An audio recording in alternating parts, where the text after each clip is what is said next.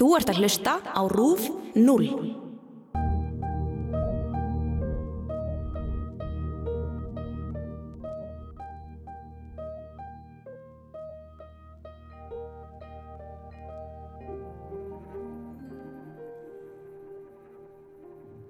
Ég er á leið í afmæli hjá bestu vinkonu minni. Allar vinkonu mínar eru þarna og fyrir rúmum sólarhing hafði ég ekki verið annað en spennt fyrir þessari veislu. En núna er kvíðanhúturinn orðin risastór og ég fara hann að íhuga að hætta bara við.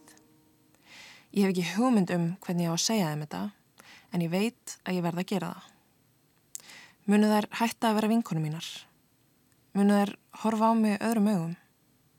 mun þeim kannski finnast eitthvað annað um mig.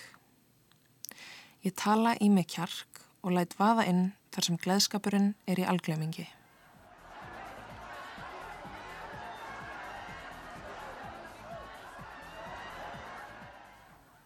Eftir nokkra stund í afmælinu segi ég vinkonunum að ég sé með smá tilkynningu.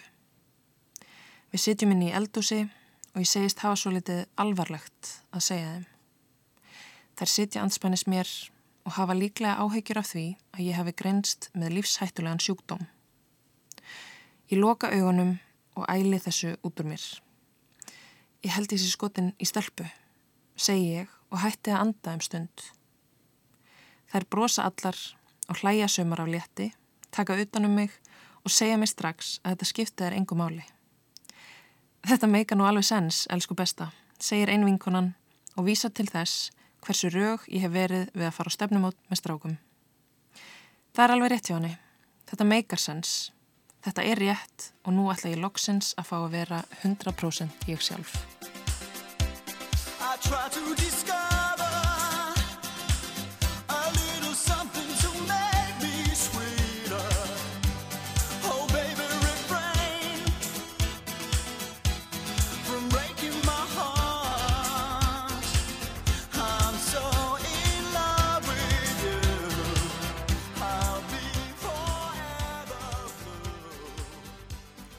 Kæru hlustendur, velkomnir að tækjunum. Ég heiti Ingileif Fridriksdóttir og þetta er annar þátturinn í sex þáttahlaðvarpserju um hinseinleikan sem gefin er út í tilefni 50 ára afmælis Stonewall uppþótana í New York og 20 ára afmælis hinseindaga á Íslandi. Þessi þáttur er tilengaður því að koma út úr skápnum en sögur okkar hinseinfóls af því að koma út eru eins misjafnar og þær eru margar. Oft hefur umhverfið gríðarlega áhrif á það hvernig upplifun okkar af því að koma út er og leiðin er ekki alltaf greið. Sumir fara í gegnum stóran hluta lífsins í felum en aðrir upplifa ekki að þeir þurfi nokkuð tíman að koma formlega út. Þá kannast flest hins einn fólk líklega við það að þurfa að koma margóft út úr skápnum. Í nýri vinnu, í nýjum vinahópum og í raunni hvert sinn sem það kynist nýju fólki. Í þessum þætti af hinseinleikanum langaði mig að spjalla við eitthvað sem þekkt á einn skinni hvernig það væri að koma út eftir að hafa reynd að þjappa sér inn í skápin og lifa eftir hennu gagkinneiða normi. Þetta er maður sem við könnumst flest við en leið hans út var ekki svo greiðasta. Þetta er engin annar en Felix Bergson. Felix er stattur í Berlin í sumafríi svo ég sló á þráðin hjá honum. Halló? Heill og sæl, Felix. Og velkomin í Sæl og þáttinn. blessur. Takk fyrir. Hvað segiru gott? Ég segi bara alltaf besta. Ég er góð að vera hér í Berlín. Já, hvað ert að gera í Berlín? Ég, ég er bara hérna í sumafrínu mínu í rauninni Bara njóta lífsins. og nýtt þess að vera hér á samt eiginmanni mínum í góðum, góðum, góðum fíling. Það hljómar ekki illa. Nei, En og þú veist, þá er ég að gera þetta hlaðvarp hérna á rúf.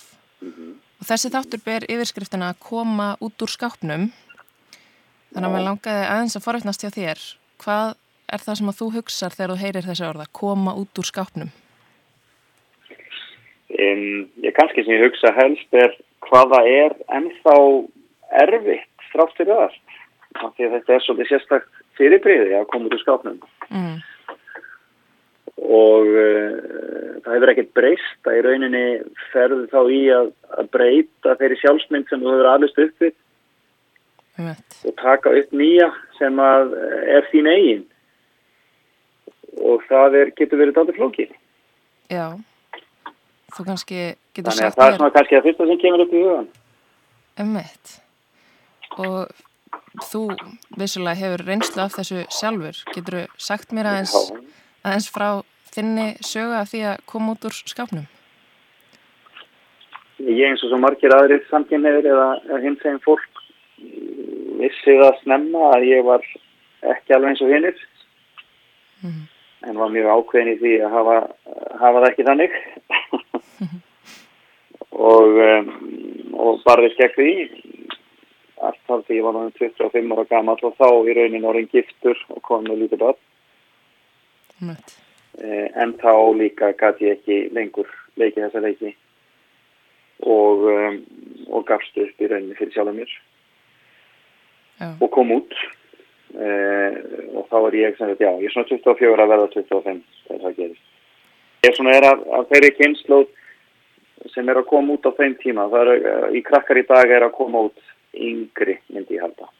Já. Þú er mitt eins og lýsir ert á þessum tímapunkti búin að gifta þig og, og koma með fjölskyldu. Uh, var, var þetta svona þín leið kannski til að þjappa þér inn í þetta gagkinniða norm? Já, já, vissan máta var það það. Ég ætlaði bara ekki að vera, ætlaði ekki að vera hommi og, og bara ætlaði að vera successful í því sem er svona eh, njóta velgengni og, og mér hafði alltaf verið sagt að, að samkynniði nýttu ekki velgengni. Það eru erfitt líf og væri erfitt líf og ég var ekki tilbúin að ganga inn í það og ætlaði bara að vera alveg eins og allir hinnir. Einmitt. Svo bara kemur það þeim tímapunkti að maður bara getur ekki með. Og var það eitthvað svona ákveðið uh, moment sem að þú áttar þig á því að, að þú getur ekki lifað í felum lengur? Ég held að það hafi verið þegar ég orðaði það í fyrsta skiptið. Ég sagði bróðum mínum frá þessu. Eh, Þá er ég 24 ára og þá vissi ég að þetta yrði ekki stöðvað. Mm. Þá var ég búin að tvelja svo lengi með það inn í einn haus og ekki segja nokkrum einastamanni frá þessum hugsunum. Mm. En um leið og ég var búin að orða það við aðra mannesku þá vissi ég að þetta yrði ekki, þessu, þessu yrði ekki, ekki breykt, þetta yrði ekki stöðvað. Einmitt. Svona um leið og maður er búin að- játast einhvern veginn gagvart sjálfum sér þá, þá flýr maður þetta ekkit auðvöldlega. Nei, það er bara svo einfalt sko. En ég rætti þetta samt, samt ekki við, uh, við, við konuna mína fyrir en semst hálfu ári síðar sko. Já. Og hvernig tók hún þessum fréttum? Ég það var kannski bara vel erfitt, erfitt að skilja. Mm. Skilnaður er náttúrulega bara erfitt fyrir breyði, hvernig sem það gerist. Einmitt. Uh, en hún tók því merkilega vel og, og það hefur gengið, gengið ótrúlega vel svona okkar samband Já. eftir þetta svona. En svona aðrir í kringum þig, fjölskyldumæðlimir og, og aðrir, hvernig tóku þeir þessu öllu saman? Það var mjög mismunandi viðbröð. Já. Já, allt frá því að vera sem sagt uh, reyði út í mann Mm. uh, út í það að vera bara full stuðningur og langt flesti síndu bara fullan stuðning Já. og, uh, en það þurftu bara allir svolítið mikið að læra og það var kannski það sem að var á þessum tíma og ekkert öðruvísi hann er lagið í dag en það bara þurfa allir einhvern veginn að fá það bara að, að, að, að þegar einhver nákominn kemur út í skápna þá þarf bara að læra svolítið mikið um uh, hvernig svo sáveruleiki er Mm. Og það var það sem að mitt fólkust að gera eins og aðrið bara. Einmitt. Þannig að þú hefur bara gefið þeim eh, svona rýmið í að átta sig á þessu öllu saman og svo hefur þetta bara komið með tímanum kannski. Já, já, auðvitað, svo bara rættu við málum heil mikið og, og svo bara las fólk sér til og, og, og fóröldunum og fljóta ganga inn í samtökin og inn í fóröldrahópin inn í samtökunum Já. og aðstendutahópin og það var, var þeim mikið hjálp Mm. og um, já, þannig að það er svona í rauninni bara svo kannski þegar fólk, þegar rennur upp fyrir fólki að maður kannski er alltaf sama manneskjan og hefur ekki mikið breyst sem bara sá einstaklingur sem það er Mm.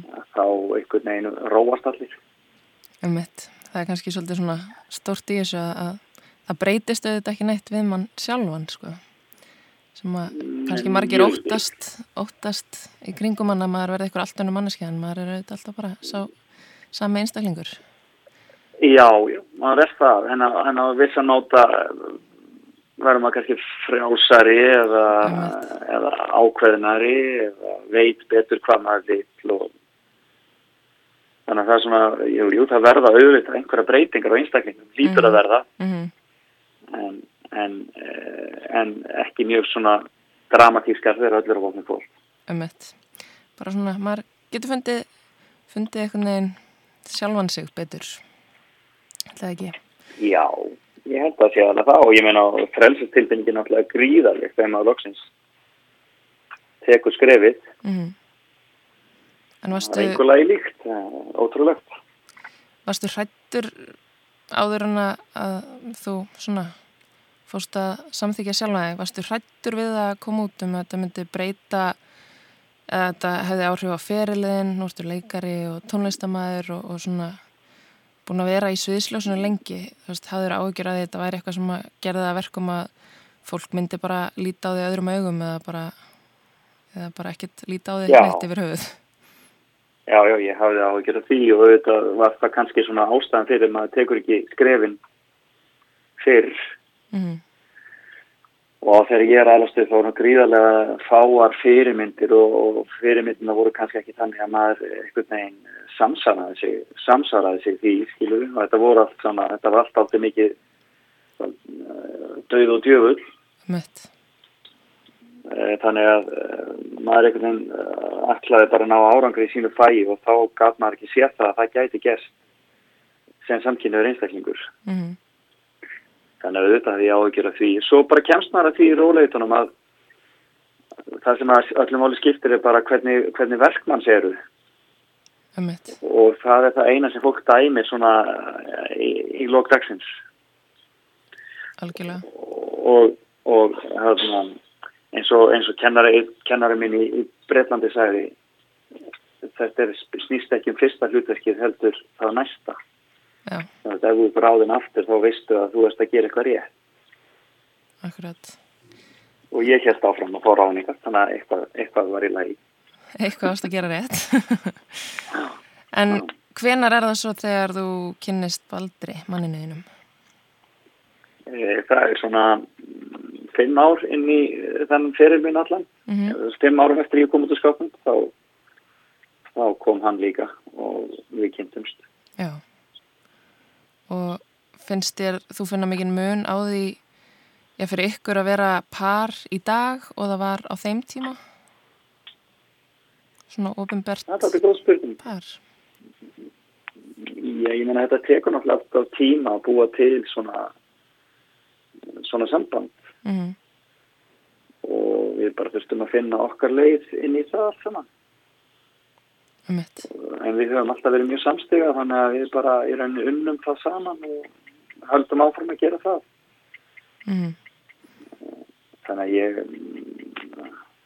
ég alltaf kannski bara fókusin var doldið mikið á börnunum okkar og svo leiðis svona fyrsta árið.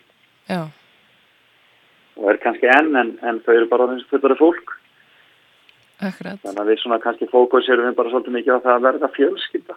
Það er kannski stóra máli til að byrja með. Já.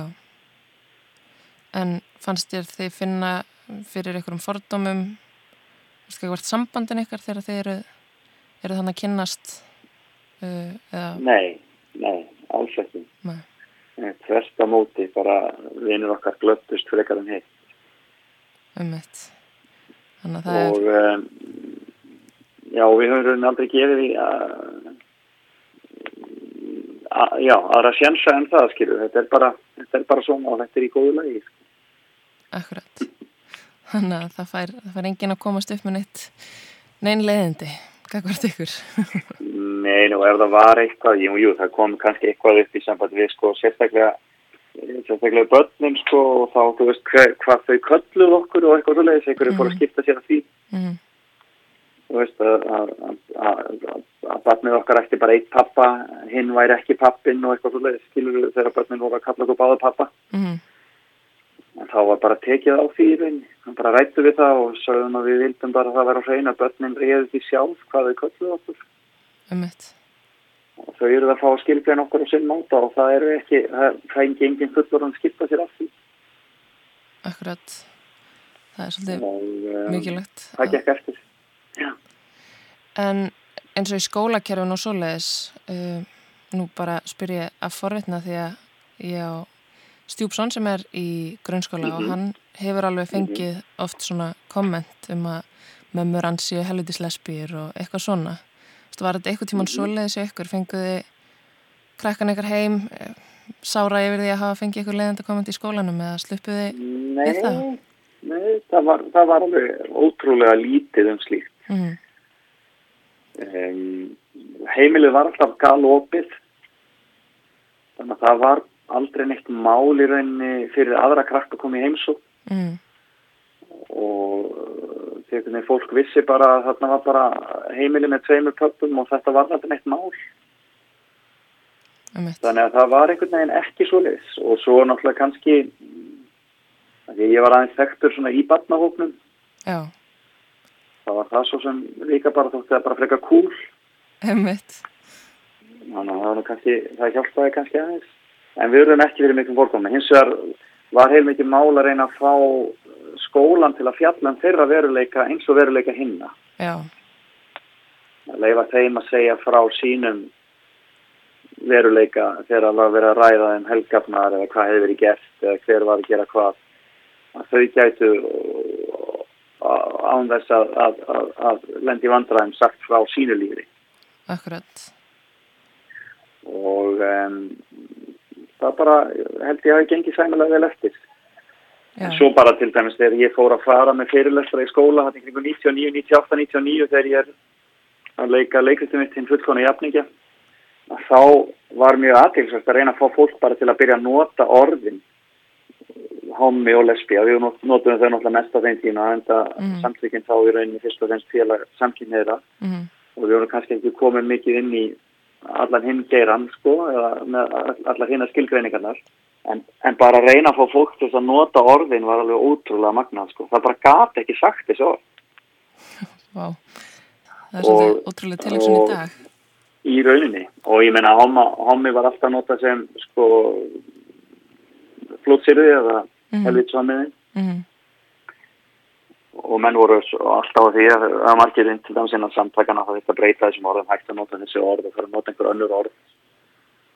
En uh, leiðin var í rauninni fre, miklu frekar að fara og láta hérna, eða þú veist að taka orðið til okkar og gera það á okkar og, uh, og breyta því úr neikvæðu yfir í, í ákvæð já, Ég held að það er svona hefnast sæmilega. Það er enda að nota sjálfsögðu en, en ég held að það sé miklu jákvæðari ég hvað ég segja, tengingar sem fólk fær þegar það heyrir orðin í dag heldur en það gerði á þeim tíma.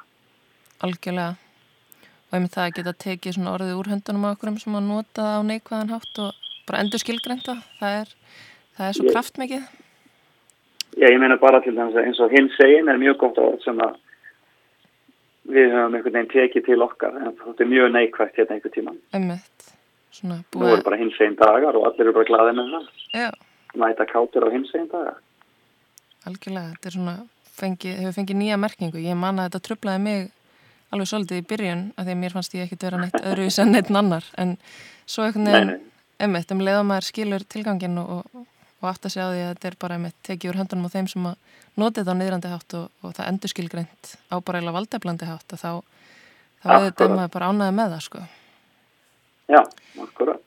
En að því þú komst aðeins inn á uh, að þú varst svona þekktur uh, hjá börnunum á þessum tíma þegar uh, börnin ykkar eru í skóla uh, þarna, já, þú ert með stundin okkar eða ekki hann í lók síðustu aldar.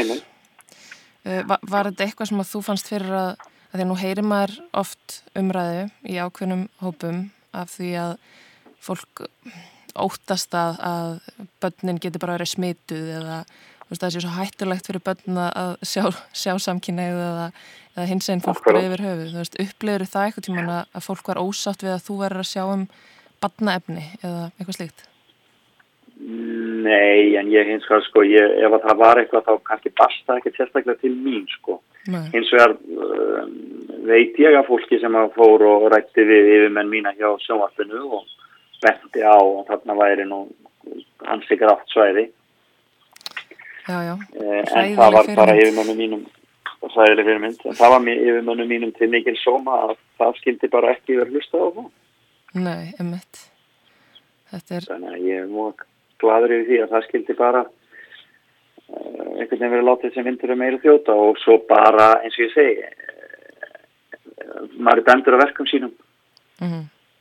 og þegar maður bara stendur sér saman fólk og er maður sjálfur og gerir það sem maður gerir best og, og skemmtir börnunum og þau hlæja og vonandi læra eitthvað þá bara slaka allir á þetta Algjörlega.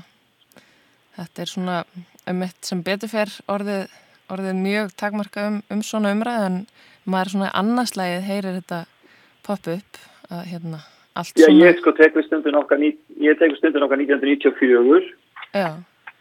Og þá eru við ekki einu sinni komið með uh, réttindi um, um, um staðfesta samvist.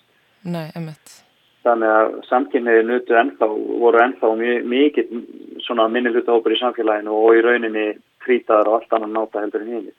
Emmett. Við nutum ekki fyrir að mannheitlinda þannig að það er bara það var, það var ennþá heilmikið misrétti í gangi á þeim tíma. Algjörlega ennþá alveg hvað 16 ári að, að hérna, hjónabönd voru löglegt og já, já, þetta er svona... algjörlega, þannig að, var, var, þannig að þetta var ekkert, þetta var ekkert sjálfgefið og ekkert sjálfsagt og í raunin ekkert sem fólk talaði sérstaklega um. Nei. Það var ekkert mikið að flagga því að það var gei, sko. Um en, en, en það vissu það til um mig. Já nákvæmlega. Þetta er einmitt svo hérna, áhugavert að rifja upp að því ég man einmitt á þessum tímapunkti er ég krakki að horfa á, á hérna, stundin okkar og, og einmitt að svona bara átta mig á, á minni tilveru hérna í þessari veröld og ég einmitt man eftir að það var svo lítið af ofinberum fyrirmyndum eða fólki sem að tala um þetta almennt. Ég viss af þér og Páli Óskari en annars var bara rosalega lítið af Þú veist, ég komst ekki til dæmis að því fyrir en ég var orðin, eða bara senda úlingsárunum að Sigga Bentins væri lesbíja. Lesbíja. Veist, þannig að þetta er einhvern veginn, verðist það að veri rosalega falið á þessum tímabundi?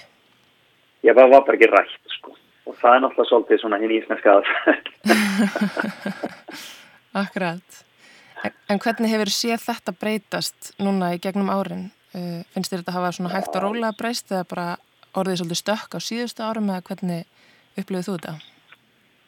Já, mér finnst svona að koma í stökkum svolítið, ég nei, bara breytist alveg gríðalega, menn það voru engið gay karakterar í neinu sem að sá í sjómarfið en einstæðar, og ef þeir voru þá voru þetta ofsarja, vesarðar manneskjur sem átt ekki fræðilega möguleika skilur, annarkort opboslega bútskonur eða mm. kvenlegi karlar. Og e, þannig að þetta var alveg, þetta var bara ömurlegasta liðið í öllu sem að sá skilur, það var geiliðið sko. Já þannig að, þannig að það var gríð, það var gríðarlega breytingar í þess að veru og ég meina á sérstaklega þætti sem fjalla um gay karaktera. Mm. bara þættir eins og Willem Grace og, þegar þetta fyrir að koma alltaf þetta er bara svakalega breytingar. Já. Þannig að ég bara, ég, þetta er alveg ótrúlegt hvað það mikið hefur breyst og, og enda sér maður það að krakkar eru alltaf yngri og yngri að þóra að taka skrefin. Um sem við, við þorðum ekki að taka mín, mín, mín kynslu þorði ekki að taka fyrir neftir tvítugt, svona 25 upp í 30 kannski. Mm. en svo koma kynsluðunar eins og þín kynsluð sem er að koma frekar út um tvítugsaldurinn. Mm. og svo kynsluðunar fyrir neðan sem er að koma út núna 14, 15 og 16 ára. Emmett og við erum fann að sjá transbörn þetta er náttúrulega bara stórkvæslegt Já, og maður upplýður það einmitt í dag svona ef maður er að tala um hins eginn málefni við sko ungt fólk krakki grunnskóla þá eru þau bara, já já, what else is new? Svona nánast eins og það sé bara valla þörf fyrir að tala um þetta lengur af því að þau eru bara með þetta algjörlega á hreinu. Það er alveg magna að sjá en, munin En það er kannski vegna þess að einmitt að það er verið að kenna þetta í skólunum og ræða þetta í skólunum og þannig að það, það þarf að halda því áfram. Það er engin spurning. Og það sem við vorum alltaf að berjast fyrir á sínu tíma var að, að við erum tekin út úr afbreyðilega kaplanum í kynlífsfræðslunni. Já. Og sett frá frekar inn í fjölskyldufræðslu Mm eða þá lífsleikni eða hvað það heitir í dag -hmm. og það væri jafnvel svo að það væri ekkert mála að geta sett bara í lestrarbók fyrir fimm ára að Sigga býr í blokk og hinum með við gangin búa Nonni og Jonni og þeir eru par og eiga þannig strák sem heitir eitthvað eða, mm. þannig, að það, það væri, þannig að það væri ekki bara alltaf verið að setja upp sem eitthvað, eitthvað afbreyðileg heit eða, eða eitthvað svona át, út úr hinu normal lífi heldur miklu frekar eins og raunveruleikin var sem var það að þetta mætti fólki og eins og til þess börnunum okkar og mörgum börnum og vinum þeirra sem fullkomlega eðlileg mm, bara uh, eðlilegt líf Algjörlega. Ég er einmitt ennþá að býða eftir Disneymyndina sem að tveir prinsar eða tvær prinsessur enda saman. Hún vonandi kemur þetta. erum við ekki komið erum við ekki komið Frozen, er ekki, að Frozen sé að koma? Jú, það er, það er eitthvað í áttina. Það er eitthvað hjá áttina Þetta er einmitt, já, það hefur orðið gríðarlega mikil breyting og hérna, örgulega áhugavert einmitt eins og fyrir þig að upplifa svona mismunandi tíma í þessu öllu saman. Og svona sjá... Já, ég sko muninn. já, ég hef búin að sjá heilmikla breytingar og ég meina ímyndaðir þá sem eru tíu árum eldri en ég og eru kannski að koma inn á vettfang samtakana árið 1978 þegar Ísland var eitt homofóbískasta ríki Európu og það var í rauninni ekki uh, óhægt fyrir samkynneið að búa hér í þessu samfélagi. Þá þurfti fólk að flytja í burtu og annarkosti Danmerkur eða London eða Kasta Fóra eða New York mm því að það gaf allan hrjástöðu strókið á Íslandi. einmitt. Það er, það er alveg ótrúlegt að hugsa til þess og maður veginn getur ekki alveg, getur ekki alveg sett sér í spórin hvernig þetta var á þessum Nei, tíma. maður getur það verið. En þú hefur nú yfirleitt tekið þátt í, í hinsegin dögum og gleðigangunni ef mér skjáttlast ekki. Mm -hmm. Uh, manst þú eða varstu hugsanlega viðstattur fyrstu gönguna? Ég var annarkort 93 eða 94.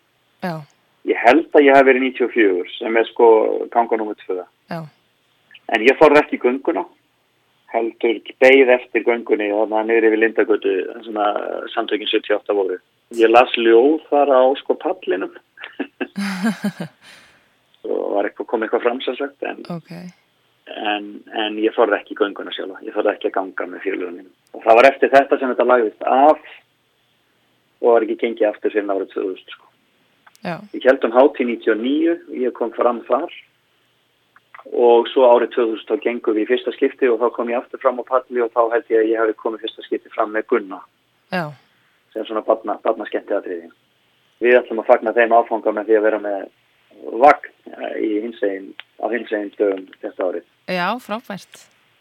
Mm. Það er gaman að heyra. Þetta er náttúrulega, já, nú er þessir formlegu hinsegin dagar náttúrulega 20 ára í ár. Já, Þannig að það er, já, mikið vatn, runnandi sjáar á þessum tíma.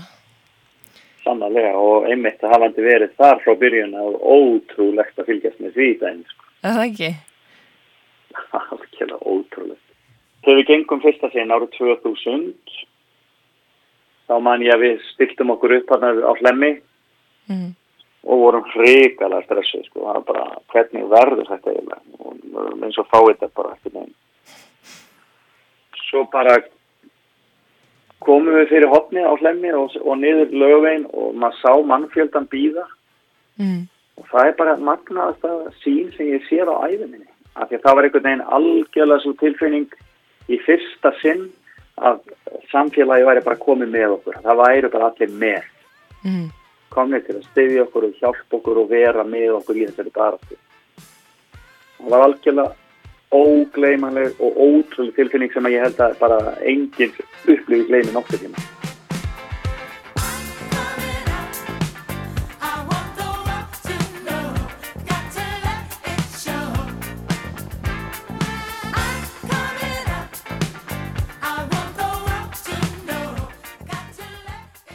maður fær bara gæsa á þeirlega við Þannig. tilöksunina.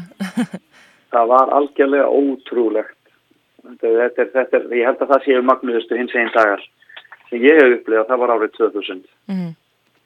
þannig að við gengum í fyrsta sinn. Og svo mm, náttúrulega bara stækkaði þetta alltaf og stækkaði og stækkaði mm, og, og það var svo ótrúlega að finna þennan stuðning og finna fyrir því að smám saman þá var þetta bara stærsta festival í borginni.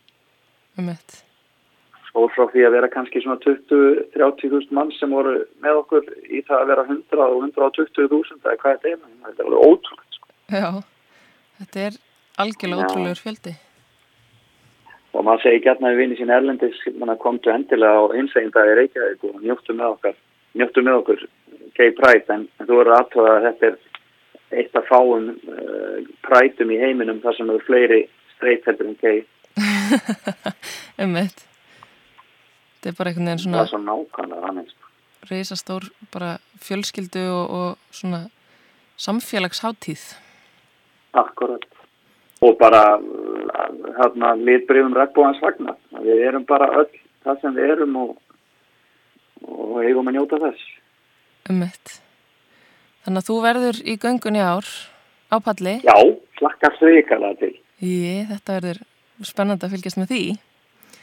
já Þannig að, og, Og stefnan í augnablikinu er sem sagt að við verðum að syngja á palli og allir krakkar geti komið upp á pallin til okkar og dansa með já, stórkostlegt. Það getur mjög skemmtilegt. Ef ég verð ekki að eignast barn á nákvæmlega sama tíma, þá verð ég með í stuðinu.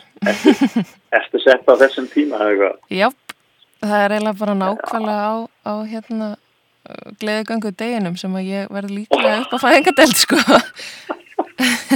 en mér er það svolítið tákgrænt Já, bara, ég veit ekki hvort þetta er good planning eða bad planning, þetta er einhvers konar planning. Já, þetta, ég veit ekki alveg með þetta en, en annars verð ég bara kassólitt upp á okkur um palli, það verður bara stórkostlegt líka það heldur dásamlegt. Þú verður- Þú verður velkomin á, á Gunn og Felix fjölskyldupallins. Já, allir ég join ekki bara á þeim palli ef, ef, hérna, ef ástandi leifir Það Við látum þið hoppa þannig til fæðingin fyrir gang. Nákvæmlega, hljómar eins og mjög gott plan. Já, kæru hlustendur, þá er það komið á reynd. Eh, Felix Bergson mun aðstofa mig við að koma af stað fæðingu ef ég verð ekki búin að fæða barnið mitt fyrir 17. ágúst. En eftir þetta frábæra spjall þá spurði ég hann hvort það væri eitthvað sem hann vildi bæta við að lokum og það var eitt sem hann hafiði að segja. Ekki, ekki gleyma þeim sem á undan gengu og þeirri baráttu sem hefur farið fram. Þess vegna höldum við præta hverju ári til að minna á að þetta hefur ótrúlegt strögg í gegnum aldirnar fyrir samkynniða og fyrir hins eginn fólk bara til að fá að vera til. Og þeirri baráttu er ekkert lokið og ég, kynni, og ég bara hvet allar til að kynna sér þessu sögu og til dæmis hérna rosalegu sögu alnæmis og, og allar þessar baráttu sem fólk hefur gengið í gegnum Mm. til að skilja hvers vegna við höldum hins einn dag, hvers vegna við segjumst vera stolt af því að vera þau sem við erum. um Þetta er nefnilega, fólk er oft fljótt að gleyma sögunni en, en við værum náttúrulega ekki hér í dag ef ekki væri fyrir þá sem að ruttu brautina. Sannlega. En þá langar mér bara að þakka þér kærlega fyrir Felix og njóttu Takk. Berlínar og, og við sjáumst vonandi í gleðigöngunni. Alveg pottið. Ok, við heyrumst. Já, takk, bless.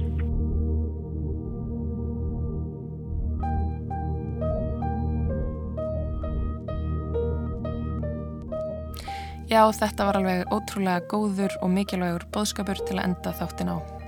Við skulum ekki gleyma sögunni og þeim sem á undan komu og ruttu brautina. Án þeirra værum við ekki hér.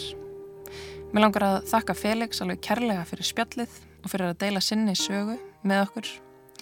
Og mér langar líka að vitið að ef þeir eru í vandræðum með ykkur sjálf og þórið ekki að taka skrefið út, þá getið þið alltaf leita til okkar hjá hinseinleikanum, bæði í gegnum Instagram og í gegnum Facebook og við munum leggja okkur allar fram við að svara og aðstóða eftir fremsta megni.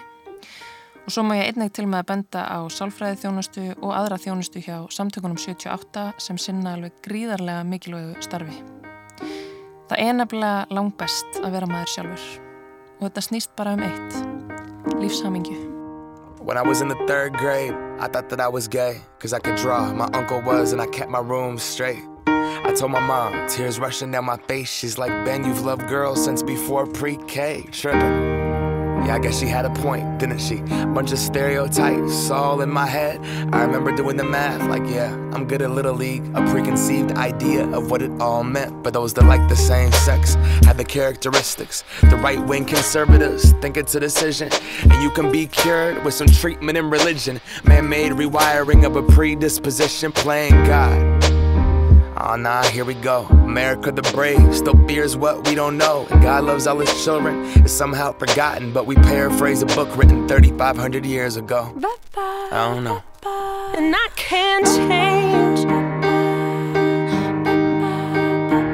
Even if I tried, even if I wanted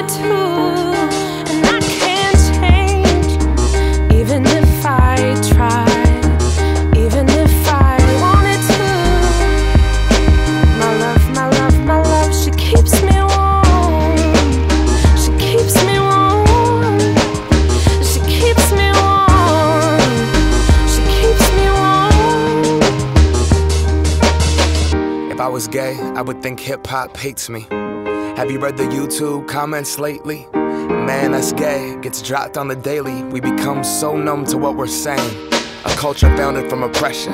Yeah, we don't have acceptance for 'em. Call each other faggots behind the keys of a message board. A word rooted in hate, yet our genre still ignores it. Gay is synonymous with the lesser. It's the same hate that's caused wars from religion, gender to skin color, the complexion of your pigment. The same fight that led people to walkouts and sit ins. It's human rights for everybody. There is no difference. Live on and be yourself. When I was at church, they taught me something else. If you preach hate at the service, those words aren't anointed. That holy water that you soak in has been poisoned when everyone else is more comfortable remaining voiceless rather than fighting for humans that have had their rights stolen. I might not be the same, but that's not important. No freedom till we're equal. Damn right I support it.